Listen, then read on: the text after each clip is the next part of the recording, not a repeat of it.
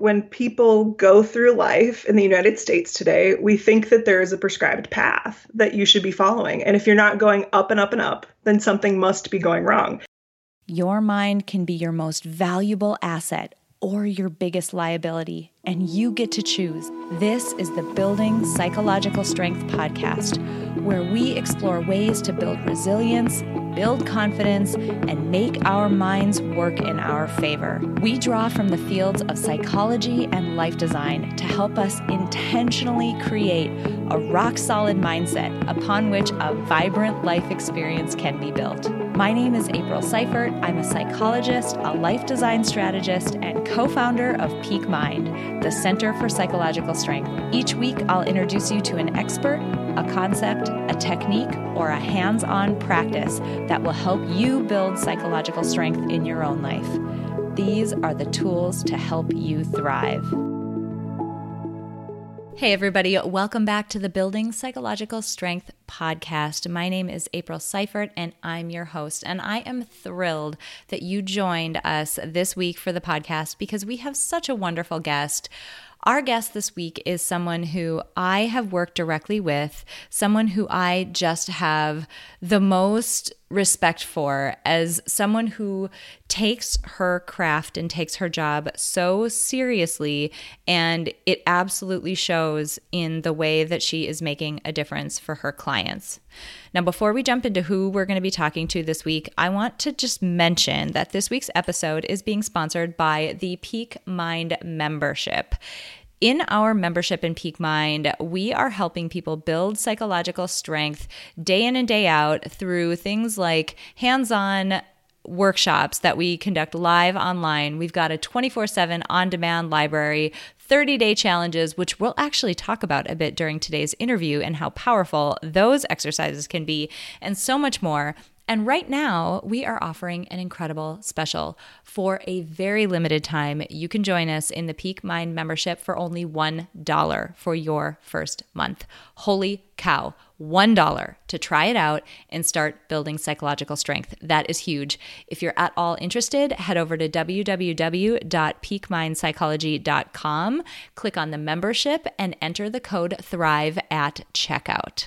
Okay, so on to this week's guest. This week, you are going to meet Shannon Schottler. She is a certified life and career transitions and leadership coach coach based in Minneapolis, Minnesota. She spent the first 10 years of her career in corporate America, and recently she left that job to honor her deepest values, serving others professionally as their coach. And personally, she became a foster parent and has done a ton of volunteer work around things like social justice issues, around gender, education, and racial equity.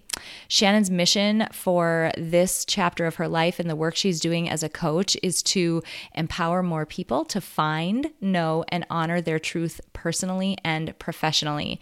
And she believes now more than ever, our world needs more self aware leaders who know not only how to lead a mission, a team, or a business but also how to lead themselves extraordinarily well. That is a huge distinction. She believes that self aware leaders will change the world, and that starts with each of us. Today, we're going to be diving into so many incredible topics. I want you to think about right now, before we jump in today, because this is really going to help you get the most out of this interview.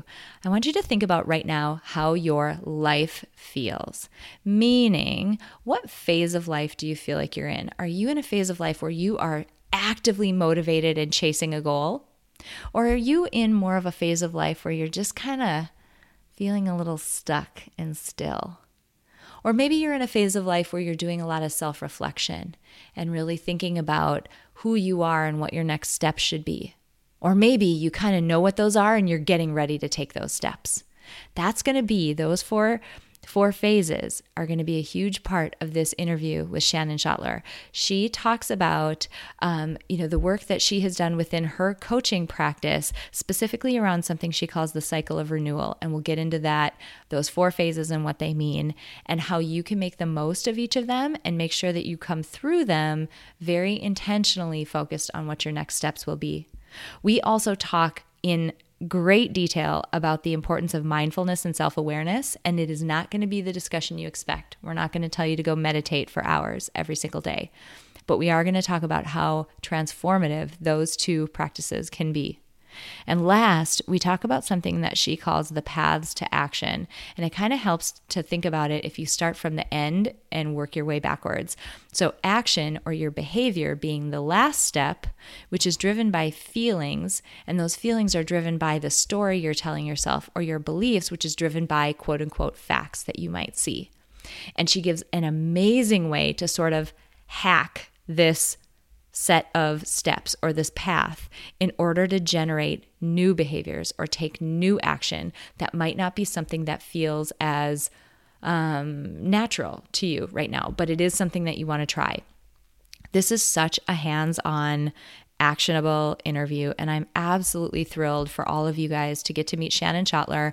I've worked with her in the past, I've gotten to experience firsthand how amazing she is at her job and how much heart she puts into it. And I'm just thrilled that we get to have her here today on the podcast. All right, I'm excited for you guys to meet her. Let's roll that interview.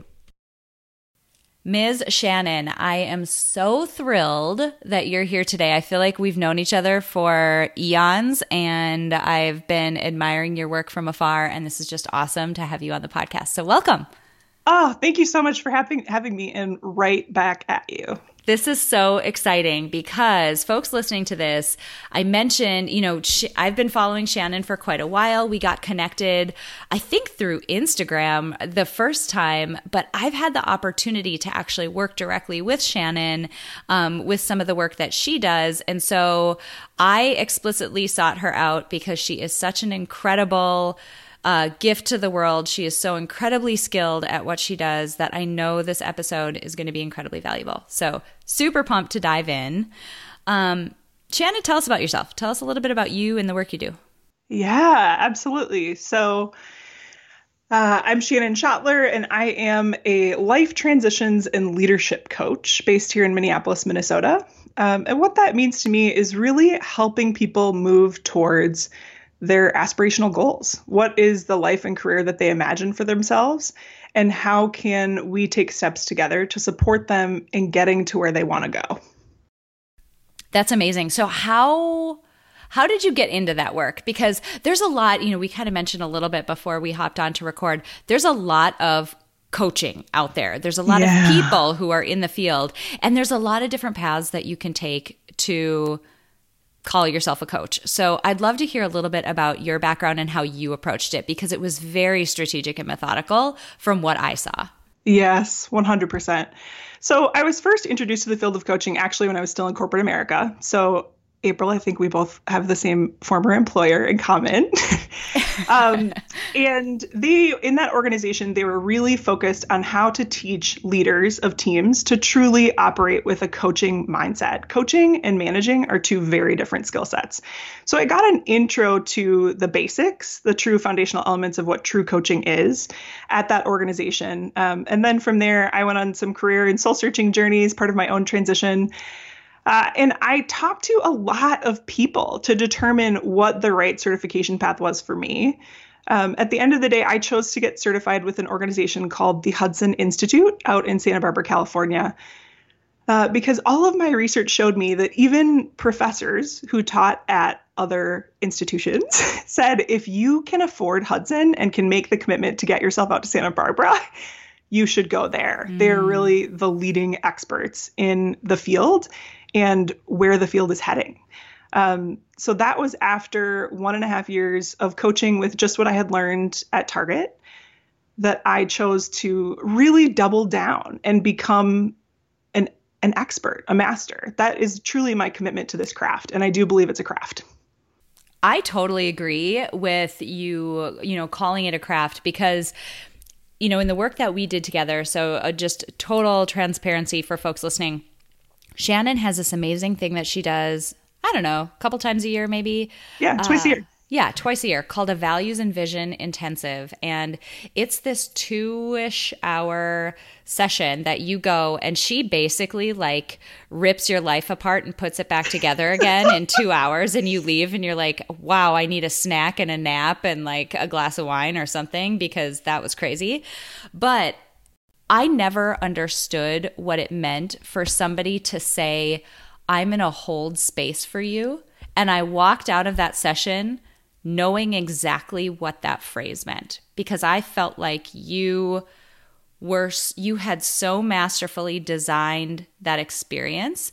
You had so carefully thought through how you would lead me through that experience and I felt like every moment that we were in that room, you were there for me and to help me achieve whatever it was that I needed to achieve when I walked in that door. So good. Oh. You're so good. Oh, that's so kind of you to say. And truly, um, I think that's a credit again to the program that I went through because Hudson is unique in the sense that they really focus on self as coach, which is about really embodying. Sometimes as coaches or some people who I think call themselves coaches in this profession, we really think about the tools and the resources and the the doing and the tactical. But truly i believe that the greatest gift i can give someone is my presence as a coach.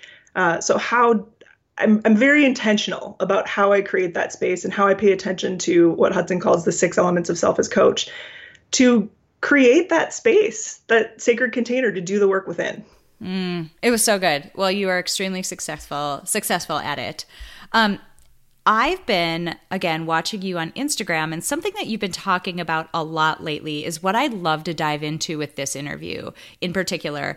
You've been talking a lot about something called the cycle of renewal, and yes. that just it was incredible when you initially described what this is and the stages of it because I could totally see how the ebb and flow of my life had followed this, but I had never had words for it.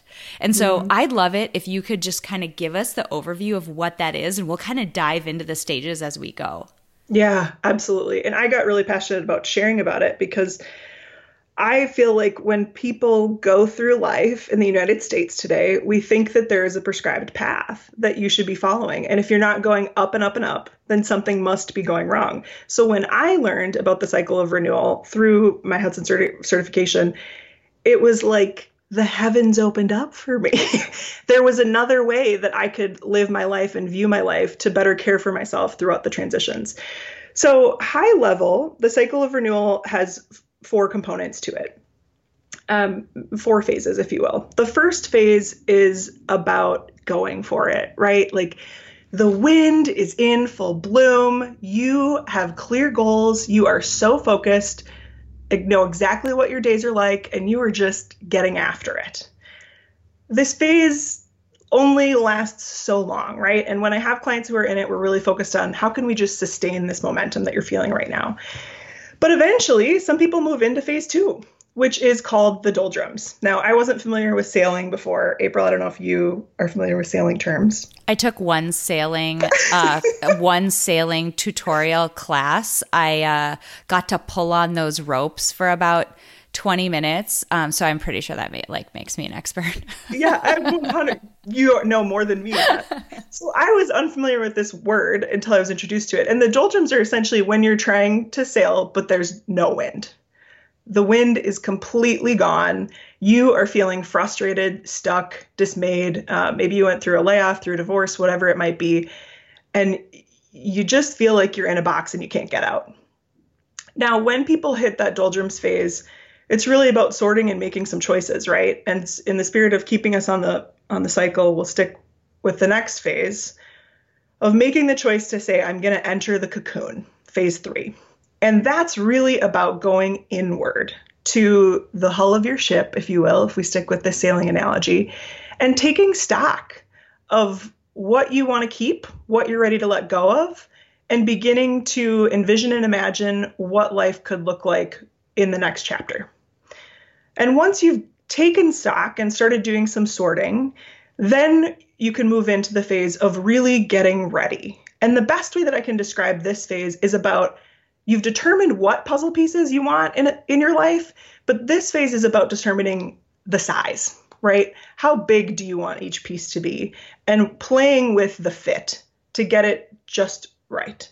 And also potentially learning new skills, right? So, like for me, going back and getting a coaching certification after making the commitment to exit corporate America, um, so that you can then move back into go for it. Now, what I didn't talk about on Instagram, but I'll touch on here a little bit too, is that when we are in that doldrums phase, there's a choice to be made. Some people choose to go deep into cocooning and really blow up their life. Like truly, that's what cocooning is, is starting from scratch. Doesn't mean you have to quit your job, though some people choose to do that. And others may not yet be ready to commit to that level of transition. So sometimes we do what's called the cut across the circle and go from doldrums into go for it again, simply by maybe changing the company of where you're working or changing one smaller aspect about your life. And that's the cycle of renewal in a nutshell. So it feels, I mean, I, what I love is that you were talking about how people feel like there's a prescribed path. And mm. I have this hypothesis that I'm going to test it out on you and on our audience for this episode. So if you're listening to this and you have thoughts on what I'm about to say, if it resonates or if it doesn't, I want to hear both. So, like, hit me up on DMs. I want to hear about it. I have this hypothesis that people throughout much of their life. I'm going to stay with this boat analogy. Like, and Let's we're going to do it. Yay! we're going to go on the boat. get on the boat, people. We're going to go with rudders. I have this hypothesis that much of our life we have a rudder that is telling us where to go. So when we're young, and we're in grade school, we have a rudder because it's saying, okay, you're in first grade, great. Your next goal is second grade, cool. Okay, third grade, okay, great. Fourth grade. So you have sort of a direction that society is telling you you should go. You hit High school, okay, cool. Focus on graduation. Just point toward that. Okay, great. Now you've done that. Great. College, okay, focus on graduation. Okay, cool. Maybe it's grad school or whatever, but grad school or a job. Okay, great. Job, cool. Get married. Great. Kids, yep, check. House, great. Like there's this prescription of box checking that tends to be the more well worn path. Now, some of us veer a little bit, but mostly well worn path. Here's my hypothesis once you check all those boxes, you're in your mid 30s, all of a sudden your rudder falls off. There's nothing telling you what your next goal is. And so yeah. many people who reach out to me, and I, I developed this hypothesis out of just emails that I've gotten. People are like, I don't like is this it? Like, what do I do? There's so much mm-hmm. life ahead of me. I don't know what to do. And I, I resonate with that prescribed path because at some point you have to be your own rudder. And I think going through these phases, that can be easier in some cases and a lot harder in others. And times of transition, I think it would be really difficult. Yeah, yeah. No, I completely agree with that theory of the rudder. Uh, and similarly, if I look back through clients that I work with, a very consistent theme that I hear in an intake form is I want a clear path forward. In other words, their rudder dropped off and they just aren't sure what happens next because as a society we've been so trained to follow a path. And so when the path ends, say in your mid 30s, that's a really scary, vulnerable time for individuals. And a big um, behavioral coaching theme for me often ends up to be a theme around self trust, right? Mm. Because for so many years, and myself included, right, until I hit the 30 mark at Target Corp, someone else had been telling me what to do and where to go and who to be. And so beginning to rebuild a behavior and a habit of self trust as an adult is is work. Totally agree because we're not I don't feel like we're prepared for that early in life. Like we're not no one really talks to you before you get there. Now once you get there and you're in your mid 30s, you're like around this group of people who are all sort of similarly confused as to what just happened, right? Mm-hmm. Like they've all recently lost their rudder. But we're not prepared for it as we enter that phase. We haven't been thinking about that. We've just been focusing on the next goal. And I think that that transition period, um, it's just tough. It's just tough for, tough for people. Yeah.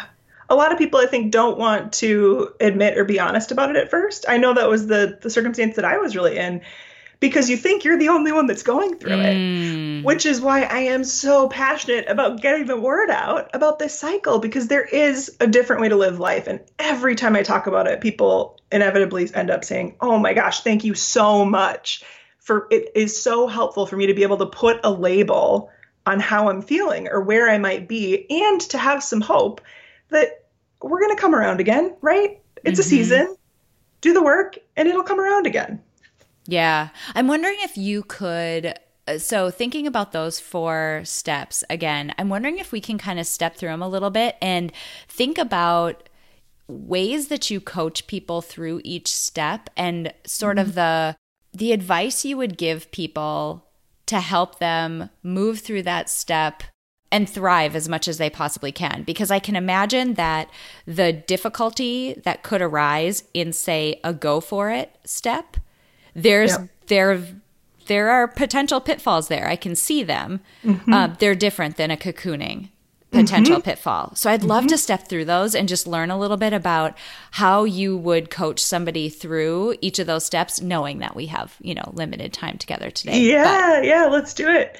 So let's do it. We can start with go for it. Uh, I can think of a client right now. And what's really indicative for me of identifying that somebody's in the go for it phase is pretty much in every session, we are action planning, right? Like she's got the vision, she knows what she's after. A lot of our work together, frankly, is accountability.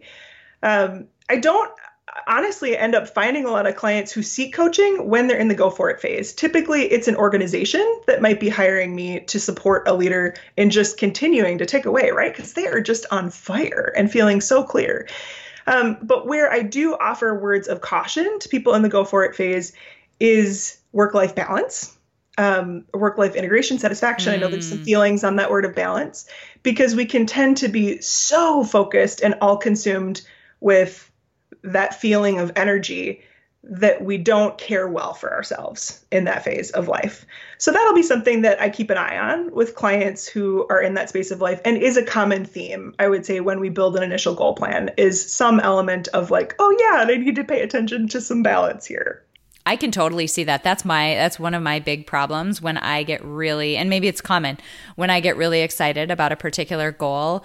I my husband jokes that I'm digging the pool. Like if you need a pool dug, he'll say, Give my wife a big open field and a teaspoon and just tell her to get to work. And I'll just sit and dig for, for like months because I just get really focused on getting that thing done. So I, I can totally that. resonate with that. yeah, yeah, I love that. So that's very common in the go for it phase. Basic blocking and tackling. What what are the obstacles of the day? Okay, let's make the goal plan. Okay, how's your work life balance?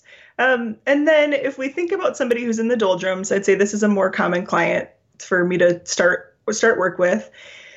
Ooh, if I'm being really honest with the doldrums, the work is honestly getting people out of victim mindset. Mm, tell me more about that.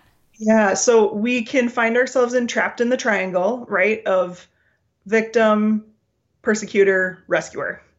And so oftentimes somebody in the doldrums, again, they're feeling stuck in that box and they're really unable to see the choices and the options that they might have. So a lot of our initial work together is on helping them see choice and helping them get out of the space of this is happening to me and more about, well, what do I want to do from here? I am where I am. What now?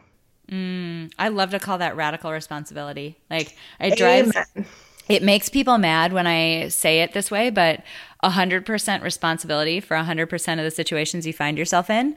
Um, not blame, not fault. Those are different things, totally different concepts. But radical responsibility to me is forward looking. Here you are. What do you want to do? Not what got you here, but here you are. So now we need to talk about what steps you're going to take next. And that choice is up to you. But it is tough to acknowledge that you have a choice. Yep, yep. And supporting them in letting go. There's a lot of anger in this phase, right? So uh, think about it. These can be people who have who are going through divorce. This can be somebody who just got laid off from a job, who just got passed up for a promotion that they thought for sure was going to be theirs. So there's a lot of anger and it takes some work to work through that anger and let go so that they can move on to a more radically self-responsible space. Mm, I could totally see that. Yeah. Mm-hmm. What tends yeah. to, is it a big life transition like that, like a divorce or a layoff or something like that, that tends to transition people from the go for it stage into the doldrums? Generally speaking, of course, there's the clients. Um, I'm thinking of a client now who's been at the same company for 18 years, right? And she's just ready for something different. You're just done. Yeah. Yeah, she's done. That can certainly happen. It doesn't have to be something big and radical. Mm. Got it. Um, okay. Cocooning? Cocooning. Oh, man.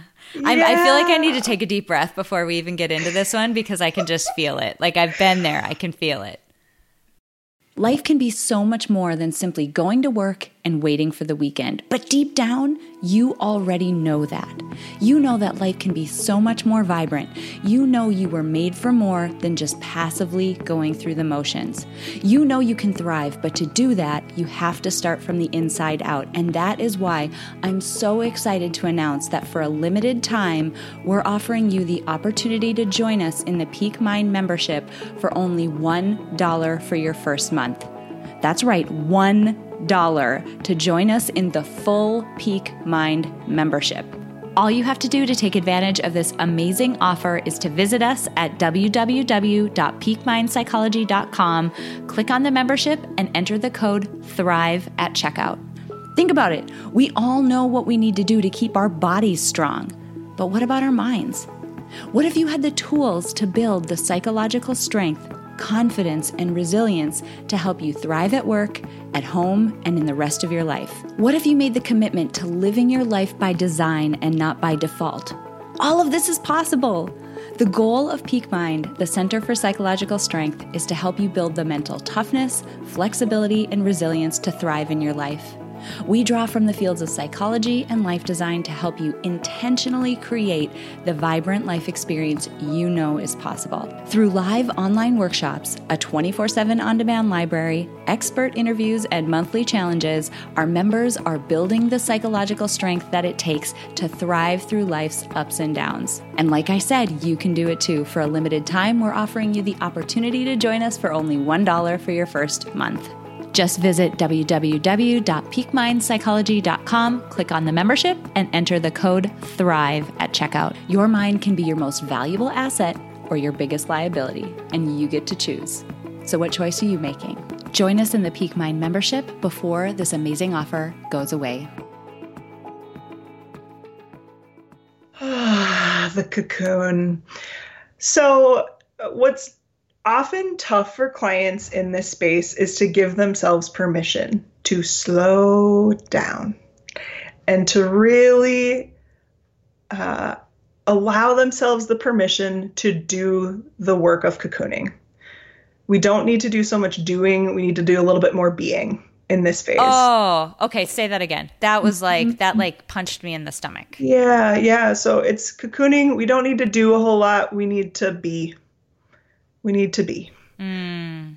Particularly in the beginning entry phase, right? Because you just got out of a really toxic, hectic, frustrating situation, right? So it's just learning how to be again. Um, is a lot of the work in this space. And that can be tough for a lot of the doers, the achievers, the high performers to just slow it on down. Yes. Yeah. yeah. So the work in this space often revolves around that, giving yourself permission to go slow um, and giving yourself permission to be scared. I remember when I was first in that cocooning phase, the way that I described it to my coach was I feel like I'm in a fog and I'm being asked to cross a river over these like teeny tiny stepping stones, and I can't even hardly see the very next stone. Mm.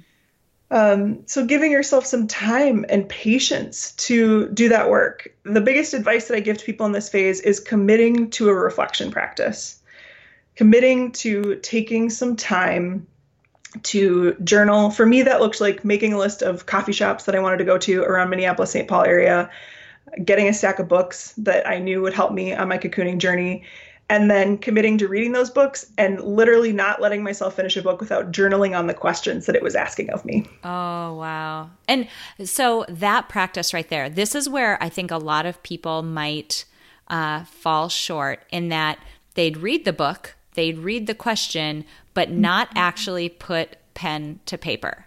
Yeah. Not actually do that part of it. Like, oh, okay, I get it. I've thought about that question. Yeah. There's magic in actually picking up a journal or a piece of paper and writing down your thoughts. Yeah, yeah. A very common thing that I'll say to clients who are in this phase is that there is no change without self awareness, and oh. there's no oh. self awareness without self reflection. That's huge. Tell me what um, tell me what self awareness means to you, because that's a probably misunderstood word as well. Mm, what a great question.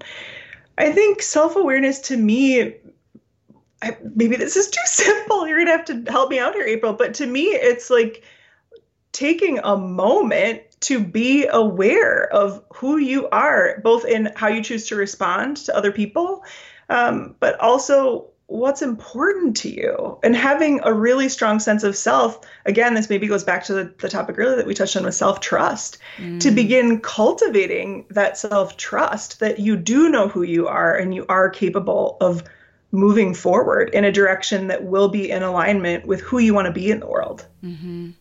yeah i recently uh I, I put this on my Instagram, so if anybody follows my Instagram and sees my stories, you probably saw something about this. But I recently auditioned to give a TEDx talk, and the way yeah. that I uh, positioned it's it's related to what we're talking about with self awareness. I talked about how. I'd read this book recently called Astrophysics for People in a Hurry. It's Neil deGrasse Tyson. Such an awesome book. If you're at all interested in space and that kind of thing, pick up this book. But anyway, he talks about how in our universe, there's 80% of the matter is dark matter. So this is matter that you can't see, you can't touch it, we can't measure it by any normal means. It's very, uh, well, it's dark matter. You can't, you know, you're just not aware of it. The way that we know that that dark matter exists, though, is because we can measure the impact that it has through gravity on other objects in the universe. So it's throwing off gravity. So we know it's there, but we just don't know what it is. Now that's just like mm-hmm. blows your mind to begin with. But where I think self awareness comes in is our minds are a lot like that. And I think our life experience is a lot like that.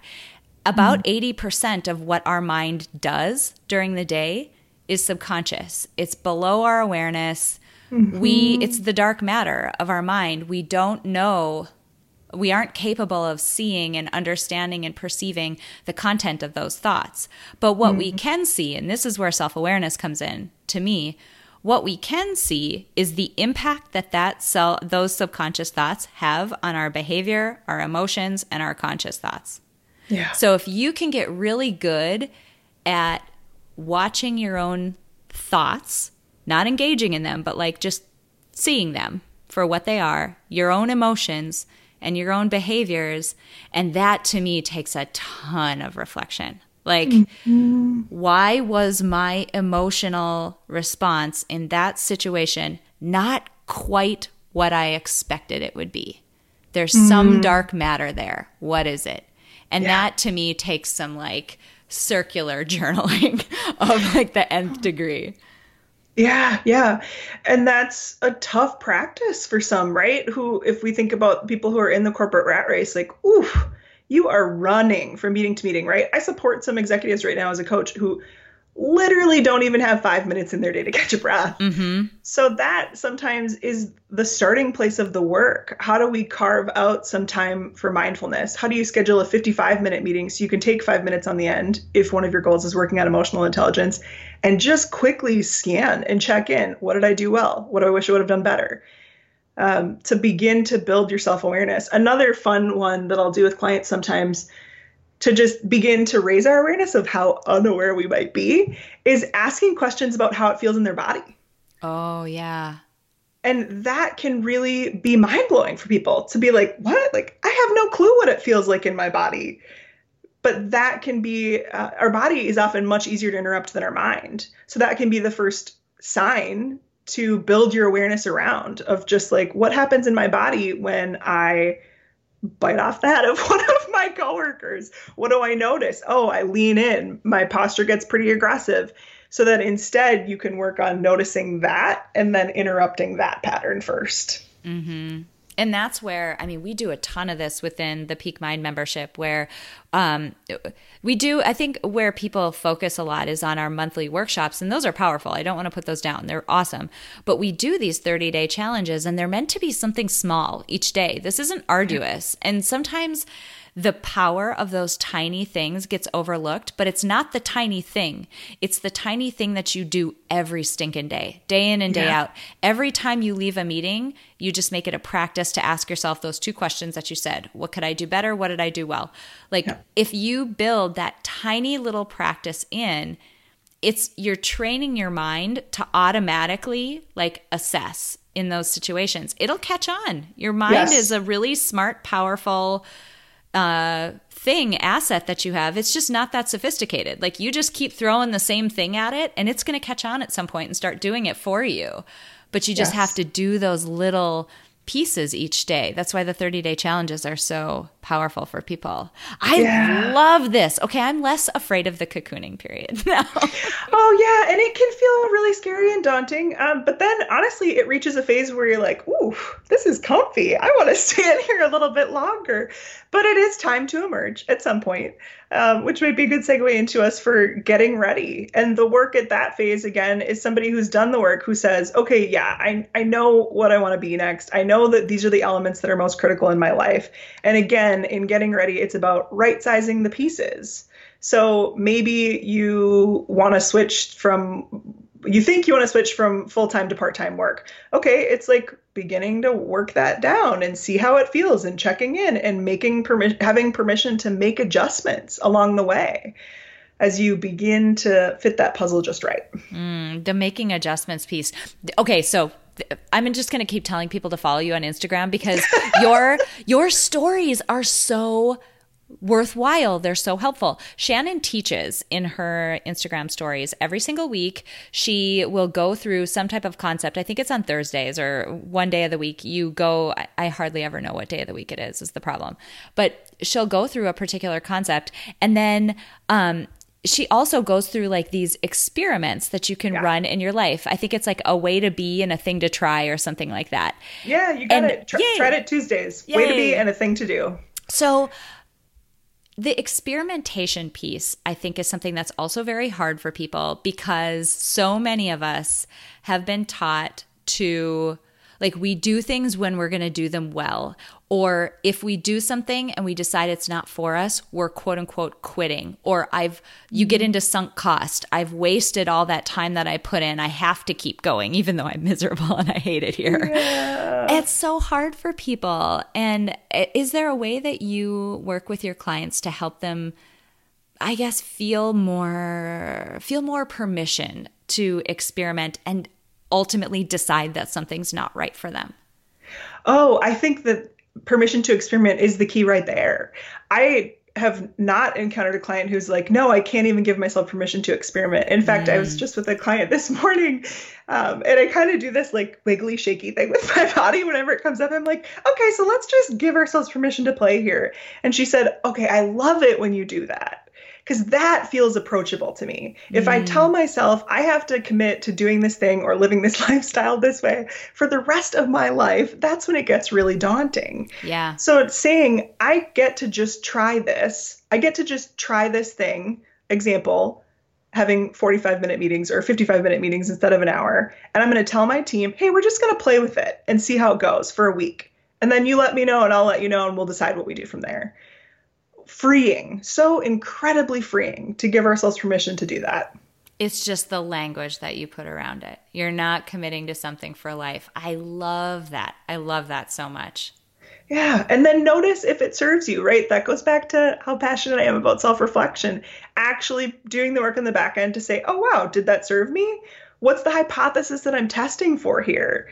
I'm testing to see if I can create enough space to do some reflection. Did it work? Did it not work? And really detaching from the outcome, if you will, and just committing to the experiment and then mm-hmm. observing what the outcome is and deciding where you want to pivot from there. Because sometimes we take that outcome to mean did I do it well or not or yeah. something. Like it's it's indicative of our I don't know, ability to have executed that experiment or something. Like but that isn't if it doesn't work for you, it doesn't work for you. It doesn't have anything to do with you or how well you did something. It's just yes. we're going to try something different next time.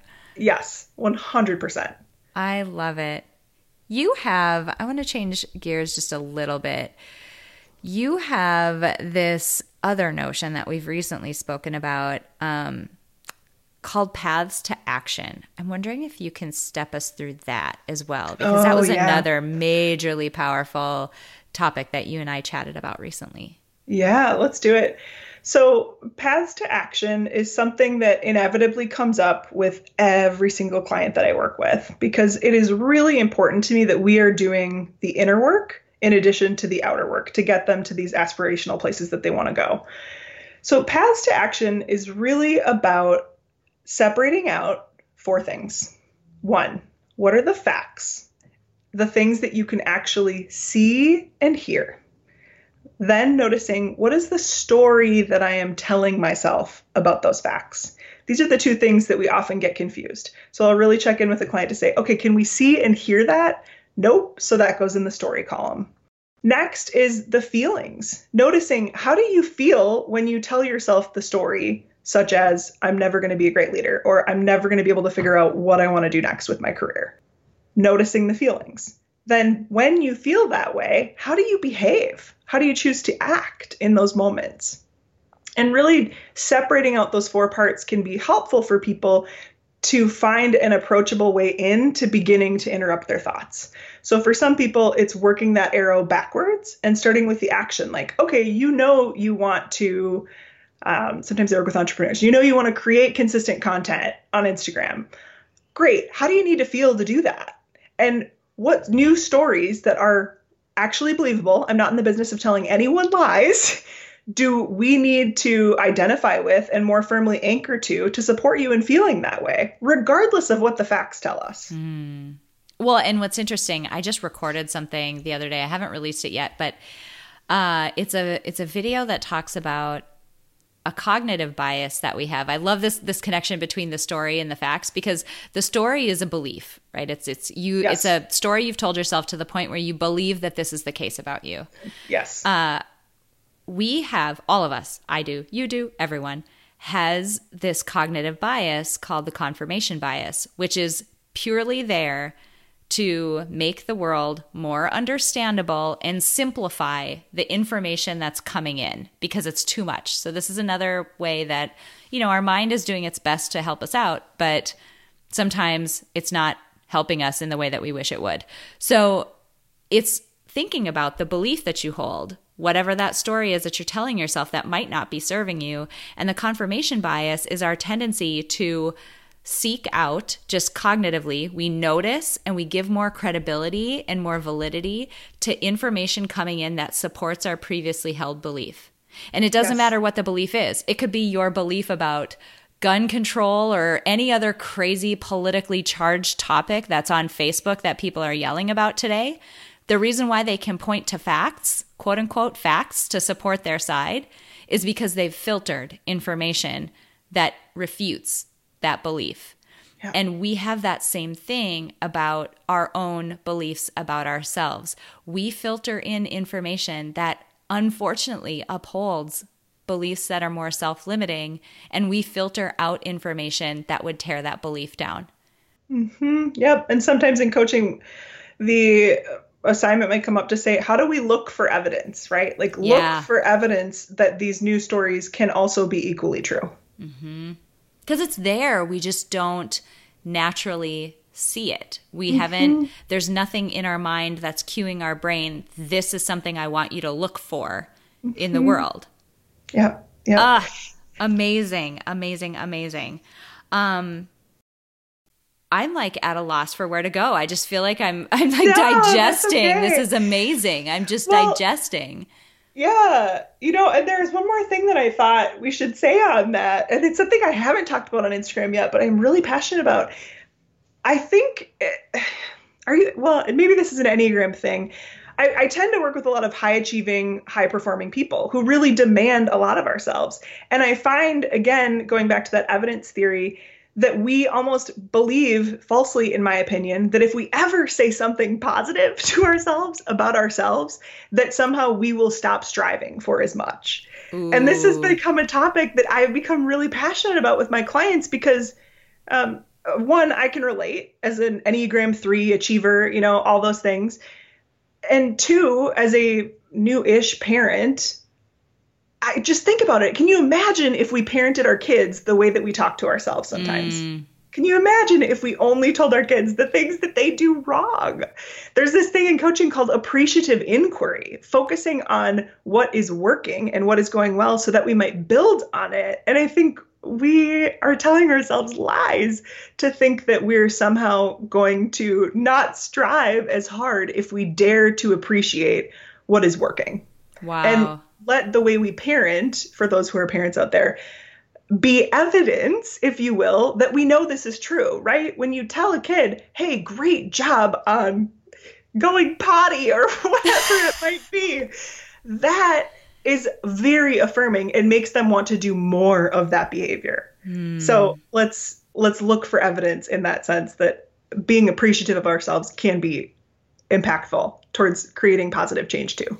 That's huge. And it, you can tell that you do a lot within leadership as well, because imagine leading a team where all you're doing is telling them what they're doing wrong and the chances that that team's going to want to work for you anymore or are you going to just lose yes. all those employees within yes. the next 6 months because no one wants to work for that person and you yes. shouldn't want to work for you in that position yes 100% there's an excellent book um, maybe you've read it called thanks for the feedback and they simplify feedback down to three types appreciation, evaluation, and coaching. And sometimes I will encourage clients to reflect and turn that around on themselves, right? The way that they think that they need to balance those buckets with their teams is very different from the way that they might talk to themselves. Mm. They might stay in evaluation mode with themselves for a really long time and never spend any time on appreciation or at least getting to a more productive coaching space of asking questions of themselves. So, side sidebar, but relevant. Amazingly relevant. So, as you think about the work that you do with people and um, just everything that you learned as you were honing the craft of becoming a coach, which I'm sure you'd say mm-hmm. like you're still doing that, and oh, obviously 100%. like you'll be a lifetime student. Um, I think that goes without saying. But yeah. I am curious about how you would define psychological strength from your perspective as someone who is so devoted to the craft of coaching and helping people achieve um, the goals that they have set for themselves. What does it mean to be psychologically strong? Mm, I love this question. Uh, for me, psychological strength means being able to be present enough in this moment to choose my response thoughtfully it takes a lot of mindfulness, right? To get comfortable enough with being present. That's another thing that I find a lot of my clients um, want to work on. To then have mindfulness enough to be able to choose a response, have some space between what I'm thinking and how I react. Mm, that's so good. That was so succinctly and beautifully put. I love that. And if you could thinking about the audience who's listening to this, if you could offer them a couple of just tactical tips, like if you could give homework for this interview and tell people in the next 24 hours, I want you to go do what? What would be the couple of things you would want them to go do that would help them move the needle from, you know, wherever wherever it is they might be? Yeah. Love it. First thing, mindfulness, and it doesn't have to look like meditation. It can be choosing to sit in silence on your car ride home instead of turning on um, music or whatever you might be listening to. Carving out some time for slowness and stillness so that that can then prime the pump to tip two, I would say, would be increasing your self awareness. Commit to a reflection practice. And it doesn't have to be this big daunting thing. It can just be fine once a week check in and ask yourself what am i doing well that i want to acknowledge myself for? What could i be doing better? It can be that simple to start. And then the last thing, again, because it comes up so much as a positive win for my clients, is examining those paths to action that we talked about earlier. So when you find yourself in self defeating behaviors, go back through that path to action facts, story, feeling, behavior and examine it a little bit and see where you might change up the story, the narrative, to support yourself in taking the actions that you want to take. Mm, that's so good. What I loved about your your point about being mindful, it's funny. Our September 30 day challenge in the membership is 30 days of mindfulness, and there's not a single day that we're asking people to meditate. So, oh, I love Isn't that, that awesome? Every single morning, our members will get a text message that will give them a tiny, I mean, it is easy mindfulness practice to do that day. And just for folks listening, one of them that we're giving people is in the morning, they'll get a text that just says, I want you to listen to the sound your feet make when you walk today. Yes. That's it. Yes. Because you yes. have to be you have to be aware enough and mindful enough to remember to do it when you're walking, which requires a little bit of discipline, not a lot, but a little bit and then you'll start to notice small diff, you know small changes in how your feet sound. You'll probably slow your gait a little bit because you'll realize how hurried you always are. There's all these things that come as a result of it but all we're asking you to do today this is just one example listen to the sound your feet make when you walk. That's it. Yes i love it. I love it. It this, can be that simple. Um, for me one that i'll do a lot on instagram is hand to heart five deep breaths. Yes. Yeah. So good and it's not, I think people think, you know, mindfulness is something that is going to take an hour and they have to um, have this perfect, beautiful setting and whatever. And it isn't. it can be something that you no. can do when your kids are there, when other people are there. Um, in a meeting, if somebody else is talking, you can just do a quick body scan or something like, where am I tense? What can I relax? So easy. But people don't realize you can incorporate this in your in your day-to-day life so easily. Yes, yes. I love this. I could talk to you for so long. Um, it is just so wonderful. It's been so wonderful getting to know you online, and now some of the work we're doing, um, you know, with the various projects that you're involved in and that I'm involved in. Um, yeah. I would love for you to tell people where they can connect with you a little bit more because if there there is a very tiny, tiny number of coaches that I would ever recommend by name and you are so on that list because you're just so incredibly skilled at what you do. So help people figure out where they can come and find you if they're interested in learning more. Oh, you're so kind. So first place would be Instagram at Shannon Schottler. I'm sure you'll put that in the show notes and all that good yes, stuff. Yes, we will. Um, and the second place would just be connecting with me on my website, shannonschottler.com. It can be that simple. I love to engage in DM conversations with people on Instagram. I'm very consistent with my story content to let that be the first source, right, of introducing you to the field of coaching and what it might be like to work or experience me together. Wonderful. This has been so great. I can't thank you enough for coming on and for sharing so much wisdom with us. Um, Shannon, you are just a light in the world, and it is just so wonderful to have you here uh, sharing all of this awesomeness with us. Thanks so much. Oh, you're welcome. Right back at you. It's a simple fact that nearly everyone in the world could benefit from building psychological strength. But not everyone will put in the time and effort to do so. But today you did. Thank you so much for listening to this episode of Building Psychological Strength.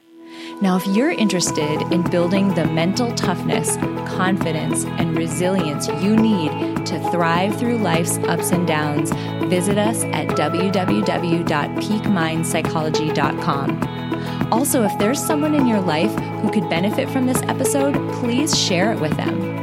And if you yourself found this episode valuable, meaning if you took away even one insight that you can use to build psychological strength in your own life, we would so appreciate it if you would drop us a rating and a review on iTunes.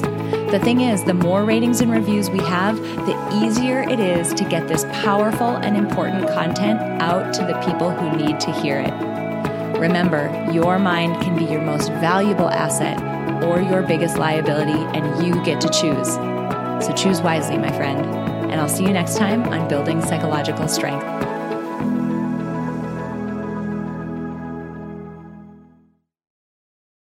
At Parker, our purpose is simple.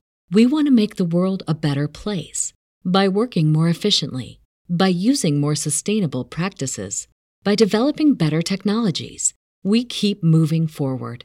With each new idea, innovation, and partnership, we're one step closer to fulfilling our purpose every single day.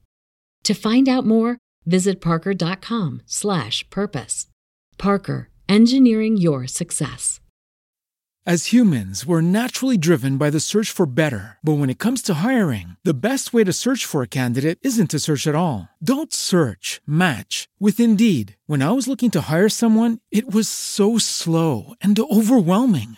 I wish I had used Indeed. If you need to hire, you need Indeed. Indeed is your matching and hiring platform with over 350 million global monthly visitors, according to Indeed data, and a matching engine that helps you find quality candidates fast. Ditch the busy work. Use Indeed for scheduling, screening, and messaging so you can connect with candidates faster. And Indeed doesn't just help you hire faster. 93% of employers agree Indeed delivers the highest quality matches compared to other job sites, according to a recent Indeed survey. And listeners of this show will get a $75 sponsored job credit to get your jobs more visibility at Indeed.com slash podcast. That's Indeed.com slash podcast. Terms and conditions apply.